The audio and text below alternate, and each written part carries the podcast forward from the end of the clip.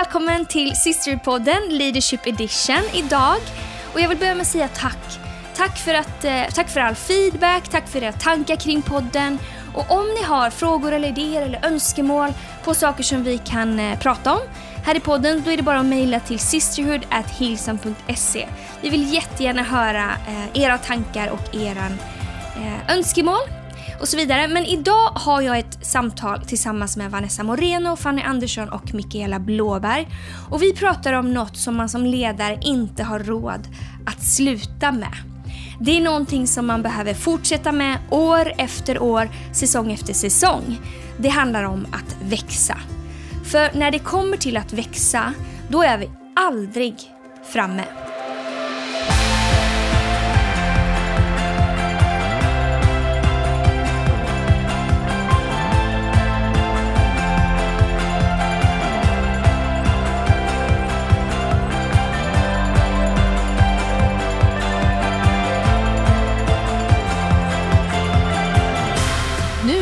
Här igen med Sisterhood-podden och eh, idag ska vi prata om aldrig framme. Som ledare att konstant växa och att stretchas. Vilket härligt ämne. Och Jag bara tänkte att vi ska introducera med ett litet bibelord. För Bibeln pratar ju faktiskt om det här. Att vi som ledare och framförallt att Jesus själv gjorde det här. Det står i Lukas evangeliet kapitel 2 och 40. Pojken, det vill säga Jesus, växte och fylldes av styrka och vishet och Guds välbehag var med honom. Så Jesus själv visar ju oss att vi faktiskt ska växa och att det fanns ett välbehag över det. Så med det sagt, låt oss ha ett härligt samtal kring det här. Är ni redo? Så redo. Fantastiskt. Så jag tänker att eh, ni jättegärna får svara på den här frågan. Att växa och att stretchas, gillar ni det? Min, alltså här, min spontana känsla är nej. men då är jag i fel eh, kyrka tror jag. nej då. Men, eh, nej men så här, jag är, ehm, som person är jag verkligen en livsnjutare. Jag gillar liksom att njuta av livet och att eh, stanna uppe för sent och äta och dricka goda saker och liksom känna att jag njuter. Och det är ju det är inte så njutbart att växa oftast, utan det kan ju snarare kännas som att det gör lite ont. Så att i min natur så skulle jag nog säga att jag tycker att det är skönt att vara liksom mer bekväm. Men jag vill ju inte vara en bekväm person. Så att, eh, jag har nog insett att det är en, av en grej som jag hela tiden behöver eh, komma tillbaka till, att inte bli för bekväm. Och Sen så har jag le- ledare som dig Lina, som jag hjälper mig att, eh, om det nu händer, så hjälper du mig att se att jag inte får bli för bekväm. Men eh, på riktigt tror jag att en av mina största, lärdomar i livet, att jag har jag vet att jag tenderar till att liksom njuta av livet och kanske stanna upp om jag inte skulle liksom vara för intentional. Så att, eh, nej, mitt kött gillar jag att, inte att växa, men i min ande gillar jag att växa för att jag tror att det är det Gud har kallat mig till att göra. Jag håller med Micke, vi är så otroligt lika tror jag. Alltså, li, du vet så här, ja, det ska vara gött liksom, att leva, har man ju sjungit hela livet den låten. Nej men alltså, livsnjutare deluxe. Men jag gillar faktiskt att, att växa. Stretchas, det kan ju göra otroligt ont ibland. Men eh, gör man det tillsammans med Gud och en ledare som vill hjälpa en att ta en framåt, tror jag man kan lita på den resan och stretchingen på ett annat sätt och vila lite mer i det. Än att vara så här, åh, det gör så ont eller vad som helst, det är jobbigt. Men att faktiskt bara, men jag tror ju faktiskt att min ledare liksom ser ett större perspektiv, jag tror att Gud har en större plan. Och det gillar jag. Just den tanken att vila i det. Okej, men jag fattar inte det här nu, men jag kan lita på det. Det är väldigt härligt att ha vuxit efteråt. När man känner att till exempel eh, min kapacitet är nu mycket större än den var för ett år sedan. Eller mitt tålamod är mycket större nu än det var för ett år sedan. Det är ju härligt. Sen själva processen som handlar om att slipas eller eh, vart står det i Malaki någonstans i Bibeln så här att det är Gud då när han slipar på oss. Det är som att vara i en eh, guldsmedseld. Exakt. På tal om eh, Josefin Cummings och entreprenör som vi ha- hade här för några, eh, för några avsnitt sedan. Ja, men, eh, det är ju inte så skönt alltid. Allting som är hälsosamt växer ju. Så att jag tror att vi behöver växa. För att annars så tror jag att vi sjunker. Liksom. Och det är så lätt att man stagnerar och allting som stagnerar blir liksom lite osunt, tyvärr. Man har samma tankar, man har samma eh, liksom, liv hela tiden och man eh, det är ju ganska oattraktivt tycker jag när man träffar en vuxen person som kanske är väldigt barnslig då och har stannat i växten där och är väldigt omogen och sådär. Det är inte, jag tror inte att det är så vi ska leva. Sen är det inte alltid härligt. Nej. Jag, jag hade en konversation, eh, jag sa det här innan, för några veckor sedan, när jag pratade med en person som sa, men Vanessa, jag vill inte växa. Jag vill inte vara teachable. Och jag, ärligt ändå. Ja, helt ärligt. Och då fastnade vi i den konversationen och jag bara, ja, vad, vad gör man då? Vad tror ni är faran med att inte vilja växa då? Om man tänker åt andra hållet, att ena är att man vill växa, man vill framåt och stretchas. Vad, vad är faran med att inte göra det? Jag tänker på två saker spontant. Nummer ett så tror jag ju att det är bibliskt att vi ska växa. Så att det är Guds plan för oss att hela tiden gå från härlighet till härlighet på något sätt. Att han, det finns alltid mer med Gud. Mm. Så att det, det är ju eh, den första och kanske viktigaste. Att det, att vi, vi kommer ur fas på något sätt i det Gud har kallat oss till. Och nummer två är ju för andra människors skull. Jag växer ju inte bara för min egen skull. Utan jag växer, ju, ju större axlar jag har, desto fler människor kan liksom få plats under, eh, under mitt ledarskap. Och eh, ju, ju, ju mer jag växer och kan ta mig an fler och eh, bli en bättre ledare och se potentialen människor bättre och sådär. Så att jag behöver växa för andra människors skull. Ja, men alltså, vi är ju kallade att bli mer och mer lika Jesus. Och det är ju ett växande. Så det, man kan ju så definiera vad växande är, att växa som ledare. Men först och främst är vi kallade att bli mer lik Jesus och vill vi inte det, då, då följer vi inte Jesus. Nej. Det är ju det som kallas helgelse, eller hur? Ett väldigt svårt ord, men det är väl det det innebär ändå. Fantastiskt. Ja. Men jag tänker strategier för att växa då. Har ni någon sådan eller eh, hänger ni liksom bara med på vågen? Vad, hur ser er strategi ut för att konstant växa? Ja, men jag måste bara säga att jag gillar ju också att ha det gött i livet. Eh, och jag vet att jag inte kanske är en person som driver naturligt rör mig jättemycket framåt. Så därför så måste jag ha strategier och strukturer för att jag ska växa. Så jag är väldigt strategisk med det faktiskt. Men jag måste säga också, när jag tränar eh, så är inte jag en person som älskar att träna så att jag spyr. Utan jag är mer en person som liksom tycker om att lunka fram i en härlig... Ja men ni förstår. Så att jag tror att man kan växa på olika... Man behöver inte växa i samma takt alltid. Eller det behöver inte alltid vara lika utmanande. Utan i olika säsonger så kan jag... Jag behöver liksom inte utmana mig själv till max hela tiden. Mm. För då tror jag att då orkar man inte. Man måste njuta lite av livet också. Ja, och på tal om träning då Lina, tänkte jag också på. Att så här, när jag är på gymmet, Ja, det är inte som att jag är det hela tiden, lät verkligen. Men alltså jag tycker alltid att jag förtjänar en paus. Alltså, det är liksom, ah, men nu har du tagit i liksom tio reps, det, nu är det dags att vila. Så att jag, då, och då funderar jag på så här, vilken skillnad det blir om jag tränar själv, om jag tränar med eh, en kompis som jag tävlar mot, eller om jag tränar med någon som vill hjälpa mig att växa. Så jag har, om jag till exempel med Vanessa, du och jag gillar ju, vi båda är tävlingsmänniskor. Så ibland när jag tränar mot Vanessa så vill jag ju springa snabbare än henne, liksom på springbandet. Men det händer ju inte. Jag det händer inte för jag har astma. Men, men om jag tränar med en annan kompis som brukar hjälpa mig och säga så här ska du hålla, det här kommer få dig att vinna, nästa gång tar du ännu starkare om du gör så här. Verkligen så här, berätta. Jag menar att Vanessa inte gör det, men det är bara, jag vet inte. Ni förstår vad jag menar. Om man tränar med en person som man vet tar en framåt. Vilken otrolig skillnad det blir för mig då i mitt växande. Så att ha personer som gör, hjälper en med att växa tror jag är jätteviktigt. Bra, det är ju jättekonkret eh, liksom hjälpmedel för att växa. Genom, genom andra, med hjälp av andra. Och ja. det, det kan jag verkligen hålla med om. Jag, jag tänkte också på det. Vilka benchmarkar jag mig emot? Alltså benchmarkar jag mig, och då menar jag liksom vilka människor får på något sätt sätta ribban för vad som är rimligt och hur jag ska leva. Benchmarkar jag mig mot människor som eh, jag lever ett större liv än vad jag gör och som gör större uppoffringar än vad jag gör? Eller benchmarkar jag mig mot eh, människor som lever ett mycket bekvämare liv än vad jag gör och som tycker att Nej, men det där är ju alldeles för, nu är det för mycket så, nu är det för mycket ja. si. Och så, mm, så, så, känner jag att jag, mm, ja, jag, jag det är skönare kanske att benchmarka sig mot dem, för då känner jag mig bättre. Men det kommer också få mig att kanske stagnera mer.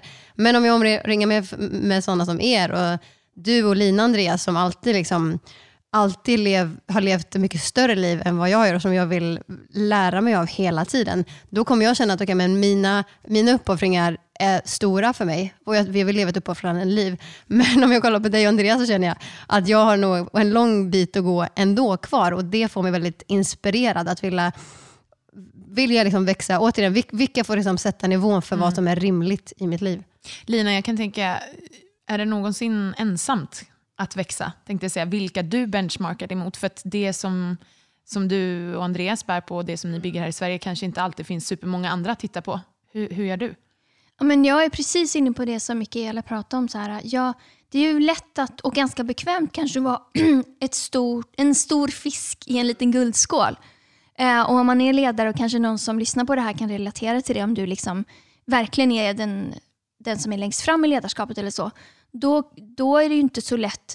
Det krävs väldigt mycket att pusha sig själv framåt hela tiden för att växa. För att, eh, så för mig har det varit jätteviktigt att jag är i sammanhang och har influens av personer som tänker större än jag har. Som har levt längre, som har, eh, som har gjort det här längre. Och det, för det första är jag så tacksam till vår kyrka för det. Men oavsett vad man gör så kan man strategiskt ta kontakt med någon som har gjort det här längre och har mer erfarenhet. Och Jag har en person som jag eh, pratar med på en app som heter Marco Polo. Det är verkligen så bara videosamtal till varandra. typ. Hon, hon är pastor och har varit i massa, massa år eh, och vi har olika tidszoner så därför funkar det bra. Men det gör att jag växer. Mm. Eh, att bara prata med henne. Och Jag kan ställa frågor ibland men bara att lyssna på henne och och, och andra, pastor Bobby och massa andra, liksom, hur de resonerar gör att jag inser ett, jag har inga problem. det som jag tycker är mina utmaningar är inga utmaningar. och sådär. Så att bara sätta sig själv i en plats där man inte är den största fisken. Mm. Det, där har man så mycket mm. eh, att hämta. Och så fort man... Eh, och man kan göra det strategiskt. Mm. Ja, och jag tänker ibland kanske man inte känner supertydligt vem är min närmsta ledare. Men vi pratar ibland om att här, ställa sig under ledarskap. Att faktiskt söka det mm, konstant också i ens eget liv. Men också faktiskt kanske inte bara inom kontexten av kyrka och ledarskap utan att också se alla möjligheter som en läxa av mm. olika personer. Verkligen, oavsett vilket samtal man är i så kan man lära sig någonting. Även om det är en person man leder eller någon som inte har, mm. eh, vad det nu är. Man kan ju lära sig av allt. Jag kan mm. lära mig massa av att prata med er här. Hur mäter ni om ni har vuxit? Man får väl kika lite på så här, vad, utrannsaka lite sitt år kanske. Det kanske kan vara ett hjälpmedel. Så här, vad gjorde jag förra året? Vad har jag vuxit i? Vad kämpar jag fortfarande med? Och kanske om man vågar och vill kanske fråga sin ledare om lite blind spots kanske. Vad ser du men inte jag?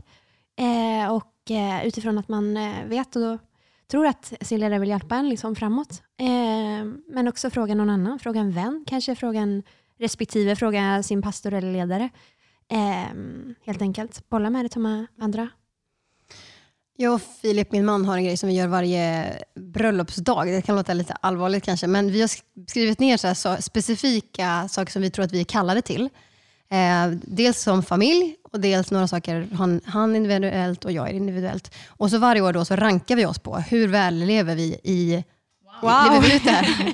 Från, på vilken skala? 1 till 5. Och då ser man ju, det, det går ju lite från år till år. Alltså det här året har, har jag levt liksom, ja men det här är fyra och en halva på de här områdena, men det är liksom tre eller två på de här områdena. Och sen nästa år kanske det är lite annorlunda. Så att det, då märker man att man, man växer liksom och går, man kan växa på olika områden. Ett år växer vi jättemycket på det här området och ett annat år växer vi jättemycket på det här området. Men det hjälper oss väldigt mycket att se, men le, om vi tänker efter, lever jag livet som jag tror att Gud har kallat mig till? Mm. Och växer jag inom de områdena som jag faktiskt tror att Gud har lagt på mitt liv och förvalta? Och nu behöver inte alla tänka att man ska ran, liksom, eh, ranka sig själv, men det är ändå något konkret som, som jag som faktiskt har hjälpt mig att identifiera vilka om, vad är jag kallad till och liksom växer jag inom de områdena? För det är ändå det som är viktigast att växa till, det jag tror att Gud har lagt över mitt liv. Men vad gör du då till exempel Micka, om du känner att du är besviken på inom, kanske inom ett område som du känner att du inte har vuxit inom? Ja, det, då, då låter jag Filip tala liv in i mig. Men eh, Nej, men då, då, så, då brukar vi då sätta upp lite action points. Alltså hur kan jag då växa inom de här områdena? Och identifiera så här, vilka är mina lägsta nummer och varför är de låga? Och vad kan jag göra för att eh, växa inom de närmsta tiden, månaderna? Jag älskar det. Vilken bra grej. Jag tror att det verkligen är bra att sätta upp lite mål. Mm. För då, du inleder ju det du inledde ju med det Vanessa, att eh, man är aldrig framme. Och ibland kan man känna, framförallt om man då befinner sig i en stretchande position eller om man känner att jag fyller aldrig de här skorna eller det är alltid nya visioner och nya saker som jag inte klarar av. Att stanna upp ibland och säga så här, jag har faktiskt vuxit. Men det kan jag ju bara se om jag har satt upp något mål. Så en gång om året är jättebra tror jag Fanny. Jag försöker göra det så här och det kan ju vara, man kan ju växa på olika sätt. Jag tror att som ledare, man kan växa i sin tro, man kan växa i sin mognad, man kan växa i sin kapacitet, man kan växa i sitt ledarskap, i sin kommunikation, i sin eh, kunskap om organisation. Alltså det finns ju så mycket man kan växa i. Men att liksom bestämma sig, ah, men det här året eller den här terminen, eller så här, då ska jag investera in i just det här. Och Sen kan man ju se då om man har, om man har vuxit i det och känna, take the win. Fy vad bra, jag har verkligen vuxit. Eller om det är en, ett, ett, ehm, en utmaning som kommer varje år. Då kan man ju mäta nästa år om man klarar den bättre eller, eller så. Mm. En sak som vi ibland pratar om är att så här, hållas accountable till. Eh, och jag tänker, du Mickan kom ju in lite på det när du pratade om att du och Filip tillsammans då sätter mål och att man kan utvärdera tillsammans. och sådär. Varför tror ni att det är viktigt? att Dels, vad betyder att hållas accountable? Lina, du kanske kan tala in lite i det. Eh, att hållas accountable för någonting och lite så här, hur, hur har du gjort där? Vilka har du kanske peers eller personer som du här, låter tala in i den delen av ditt liv. Att, så här, jag håller, kan du hålla mig accountable till de här sakerna så att inte mina omständigheter får påverka hur jag väljer att växa eller hur jag känner, eller så här, utan att man faktiskt gör det man har sagt. Alltså, du har redan svarat på din egen fråga tror jag. Men det är verkligen, jag, jag känner att jag tar träningsreferenser hela tiden. Men det är ju så att om jag har en kompis som jag ska träna med, då vet jag att jag kommer få träningen gjord. Eh, så enkelt är det. När man inte känner för det, när man vad det nu är. Och då, eller man har en, liksom, en person som, jag kommer behöva svara på den här personen. Sprang du tre kilometer? Ja eller nej? Då vet jag att jag kommer springa de här tre kilometerna för att hon eller han kommer fråga. Så, så kan man ju verkligen göra i sitt ledarskap också. Det är ju bara att fråga någon. Egentligen sen, det här vill jag växa i och så vet man att det är lite motstånd kanske. Det är då man behöver eh, accountability. Att den andra personen bara... Man, det, är som, det betyder ju att stå till svars. Liksom. Man får redovisa om man har vuxit eller inte. Och bara den grejen, liksom, två är bättre än en, eh, gör att man, att man mycket lättare tar sig framåt. Mm. Man får liksom energi på något sätt. Och det kan ju vara en kompis, det behöver inte vara någon, liksom, någon, någon ledare så, utan det kan vara någon peers. Som mm. man... Exakt. Jättebra. Jag tänker tillbaka till det du tog Fanny om vad man gör om man känner att man inte växer. Så det, dels så är det ju det vi pratar om, att identifiera det och hitta sätt att växa i dem. Men jag tänker också att livet går ju i säsonger. Gud har ju har nu valt att arbeta i säsonger. Det finns fyra olika årstider. Och I psalm 92 står det att den som är planterad i Guds hus ska alltid blomstra. Och Det mm. tror vi verkligen på. Men det kanske inte innebär att man blomstrar på alla områden alltid samtidigt. Utan det finns liksom en sommarperiod där man blomstrar här och sen så kommer hösten, det börjar liksom tappas lite och sen så kommer liksom vintern där det är helt dött. Och du känner så här, det här är helt dött. Det här kommer aldrig kanske få liv igen. Och du kan, man kan tappa hoppet då, men ändå veta om att det kommer sen en vår och det börjar liksom spraka till igen och få liv. Och man blir så glad av att se det. Och sen är man helt plötsligt i sommaren igen och är i full blom och har glömt bort att, man, att det någonsin var dött och har glömt bort att det kanske kommer dö igen.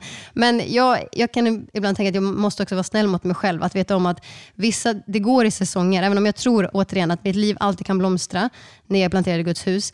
Men på vissa områden måste jag inse att det här kanske är en vinterperiod nu på det här området. Och då får jag, jag, jag får investera i det, men det kommer också komma en vår och en sommar även på de här områdena. Jättebra Mika.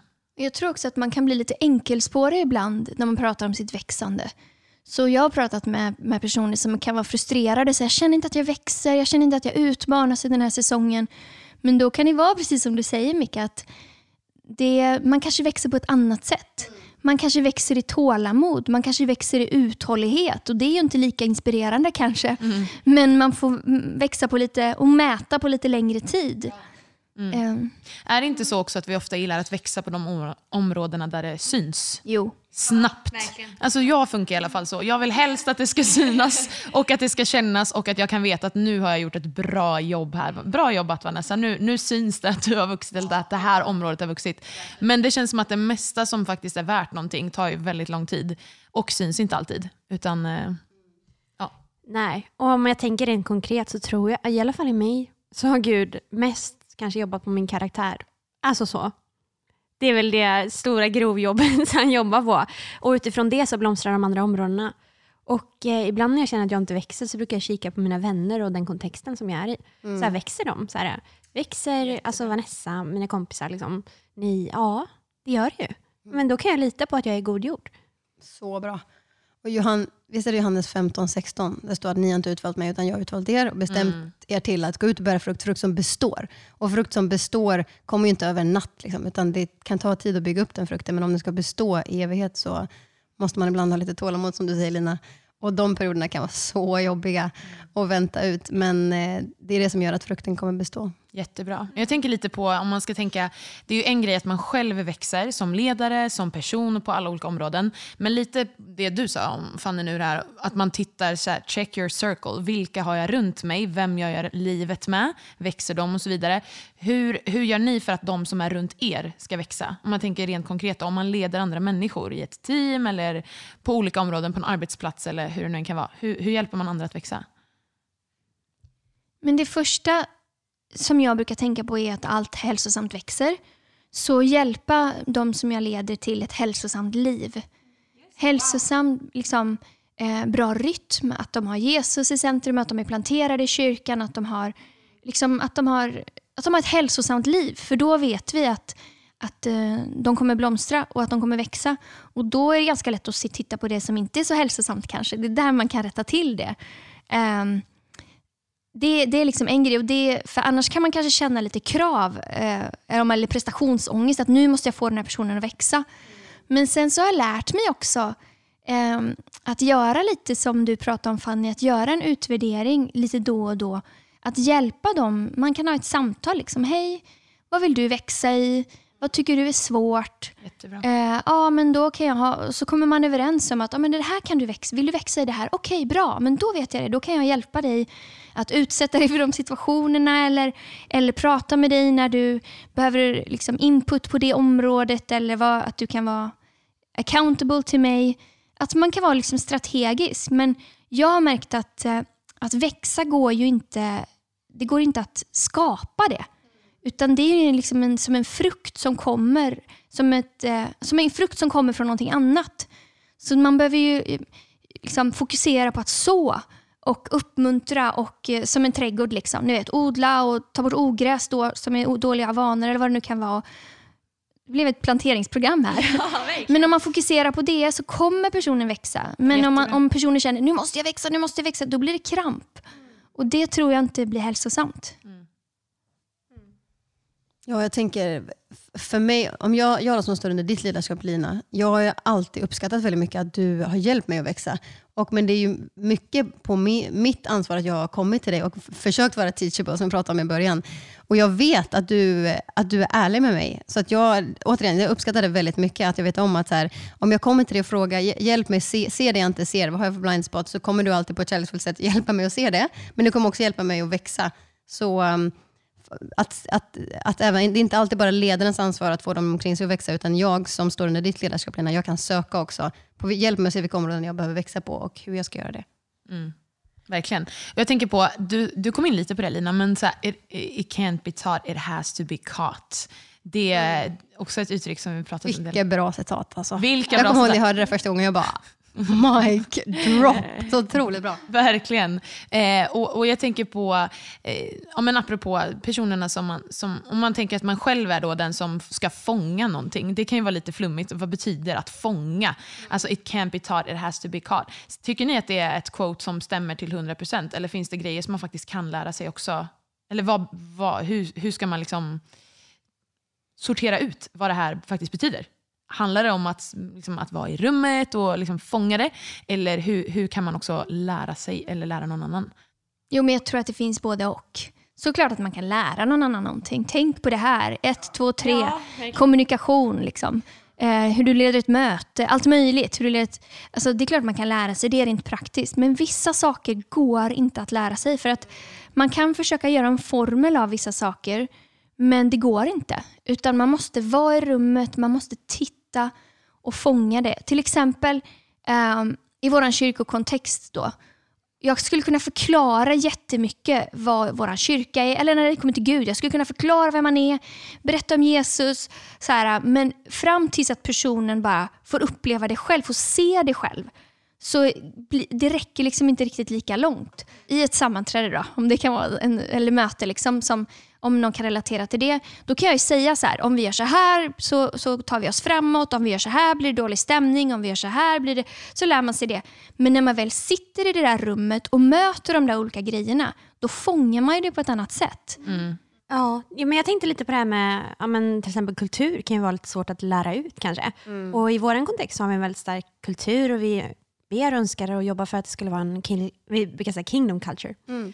Så en, en kultur efter Guds hjärta. Men eh, om, om jag bara tänker på så här, hur jag har lärt mig till exempel min familjs kultur är ju av att vara i den.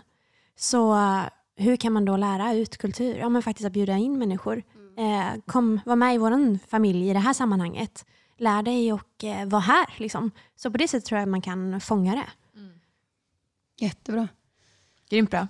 Det var exakt det Jesus gjorde ju. Han var ju tre år med lärjungarna och de fångade någonting. Sant. Väldigt bra. Och de förändrade världen. Så är det. Preach it. Så rent praktiskt här då, den som sitter och lyssnar på det här tänker så här, wow, jag känner mig så inspirerad till att växa på alla områden i mitt liv.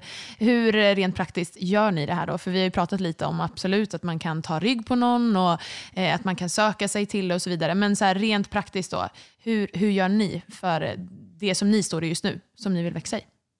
Jag tänker att det finns säkert fler, men för mig så är det ungefär tre olika, olika sorters områden och sätt som jag kan växa i.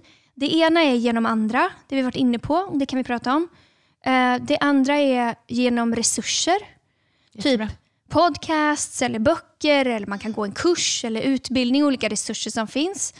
Eh, och det tredje är genom eh, upplevelser. Och där är vi lite det här, be taught, it has to be caught. Alltså genom att se Genom att vara med om nya saker så kan jag tänka nya tankar. Det finns en statistik om det att vi tänker 65 000 tankar om dagen och 95 procent av de tankarna är samma som igår. Det är ganska mycket. Sjukt. Så för att kunna tänka nytt så tror jag att jag behöver utsätta mig själv för någonting som är nytt. Utsätta mig själv för eh, för nya situationer, för nya maträtter, kanske för nya kulturer, för nya sammanhang. För då tror jag att man eh, verkligen växer och det har jag saknat under det här året. När man inte har kunnat resa, mm. kanske inte kunnat, man bara uppmuntras att bara liksom träffas med dem man alltid gör. Men att utsätta sig för nya saker. Så det var liksom tre grundområden. Jättebra. Har ni några andra inom dem? Ja, men jag, när du säger genom upplevelser kan jag bara ge ett exempel på just vad det innebär att gå, våga ta den här nya vägen som du pratar om. För Jag minns när vi för eh, sju år sedan, sex år sedan fick frågan om att leda Kids. Då var vår första respons nej. det här är obekvämt, det här är inget som vi vill göra eller tror att vi ska göra eller liksom brinner nödvändigtvis mycket för. Så vi fick frågan av dig och Andreas Lina om att leda Kids. Eh, tänkte på det, hittade inte inom citationstecken friden för det. och, eh, ska be det. Verkligen, ska be det. Tackade nej. Um, och sen eh, så gick det några dagar och jag och Filip pratade om, om, om det och kände att fast ska vi verkligen tacka nej? Alltså om vi tackar nej nu, till det här, för att det, är liksom, eh, det är bekvämare av, för oss att inte göra det här. Men om vi tar ett sånt bekvämt beslut, då kommer det sätta oss på en kurs där vi har lättare att ta bekväma beslut i framtiden och så kommer vi hitta oss själva några år down the line, där vi bara lever ett lite bekvämare liv och inte vågar gå på de här nya vägarna som vi inte vet vad de ska innebära. Så vi kom tillbaka till er och sa, vi ångrar oss, vi kör. Och tack Gud för det. Det var en av de bästa fyra åren i våra liv. Och det har sett upp oss så mycket och hela vår familj blev helt förvandlad av det, på riktigt. Så att eh, det låg så mycket välsignelse bakom det vi trodde var ett där, oh, uppoffring, men det visade sig vara så mycket mer. Så det har hjälpt mig. Det är en upplevelse som verkligen har hjälpt mig att titta tillbaka till att våga gå på det som inte alltid känns bekvämt eller inte alltid, inte alltid makes sense, men som jag tror att det finns kanske ändå någonting i det här. Så sjukt bra. Eh, nej men jag tänker på lite olika saker. Jag tror att eh, ja, det var en pastor i vår kyrka som heter Robert Ferguson. Han hade en otrolig undervisning en gång om, om man var en church builder för massa år sedan. Men då sa han att en church builder behöver, kan inte vara rädd för att prova nya saker. Så han sa, han var rent konkret kan du, kan du varje gång du går till en restaurang ta någonting nytt från menyn. Och jag provade det här då. och det var, det, var stretch, det var en stretch för mig, för jag älskar mat. så jag vill ju ha det som jag vet är gott. Men det blev så otroligt stor lärdom för mig. Alltså så i att våga växa, att våga prova nya saker, att våga tänka annorlunda och faktiskt upptäcka att saker kan vara gott som man inte trodde skulle vara gott. Eh, men sen så, kurser, älskar kurser, läsa, studera, men också lära sig från alla i rummet. Att eh, lära sig från en person i foajén, lära sig från en, en yngre person, en äldre person. Att inte förminska sättet som man tänker att man ska lära sig på, utan faktiskt vara open-minded. Jag älskar det här med det nya, för att vi är ju vanemänniskor. Man sätter sig alltid på samma stol, man liksom går samma väg till jobbet. Eller vad det är. Alltså vi, Yeah. vi gillar vanor och det skapar trygghet tror jag.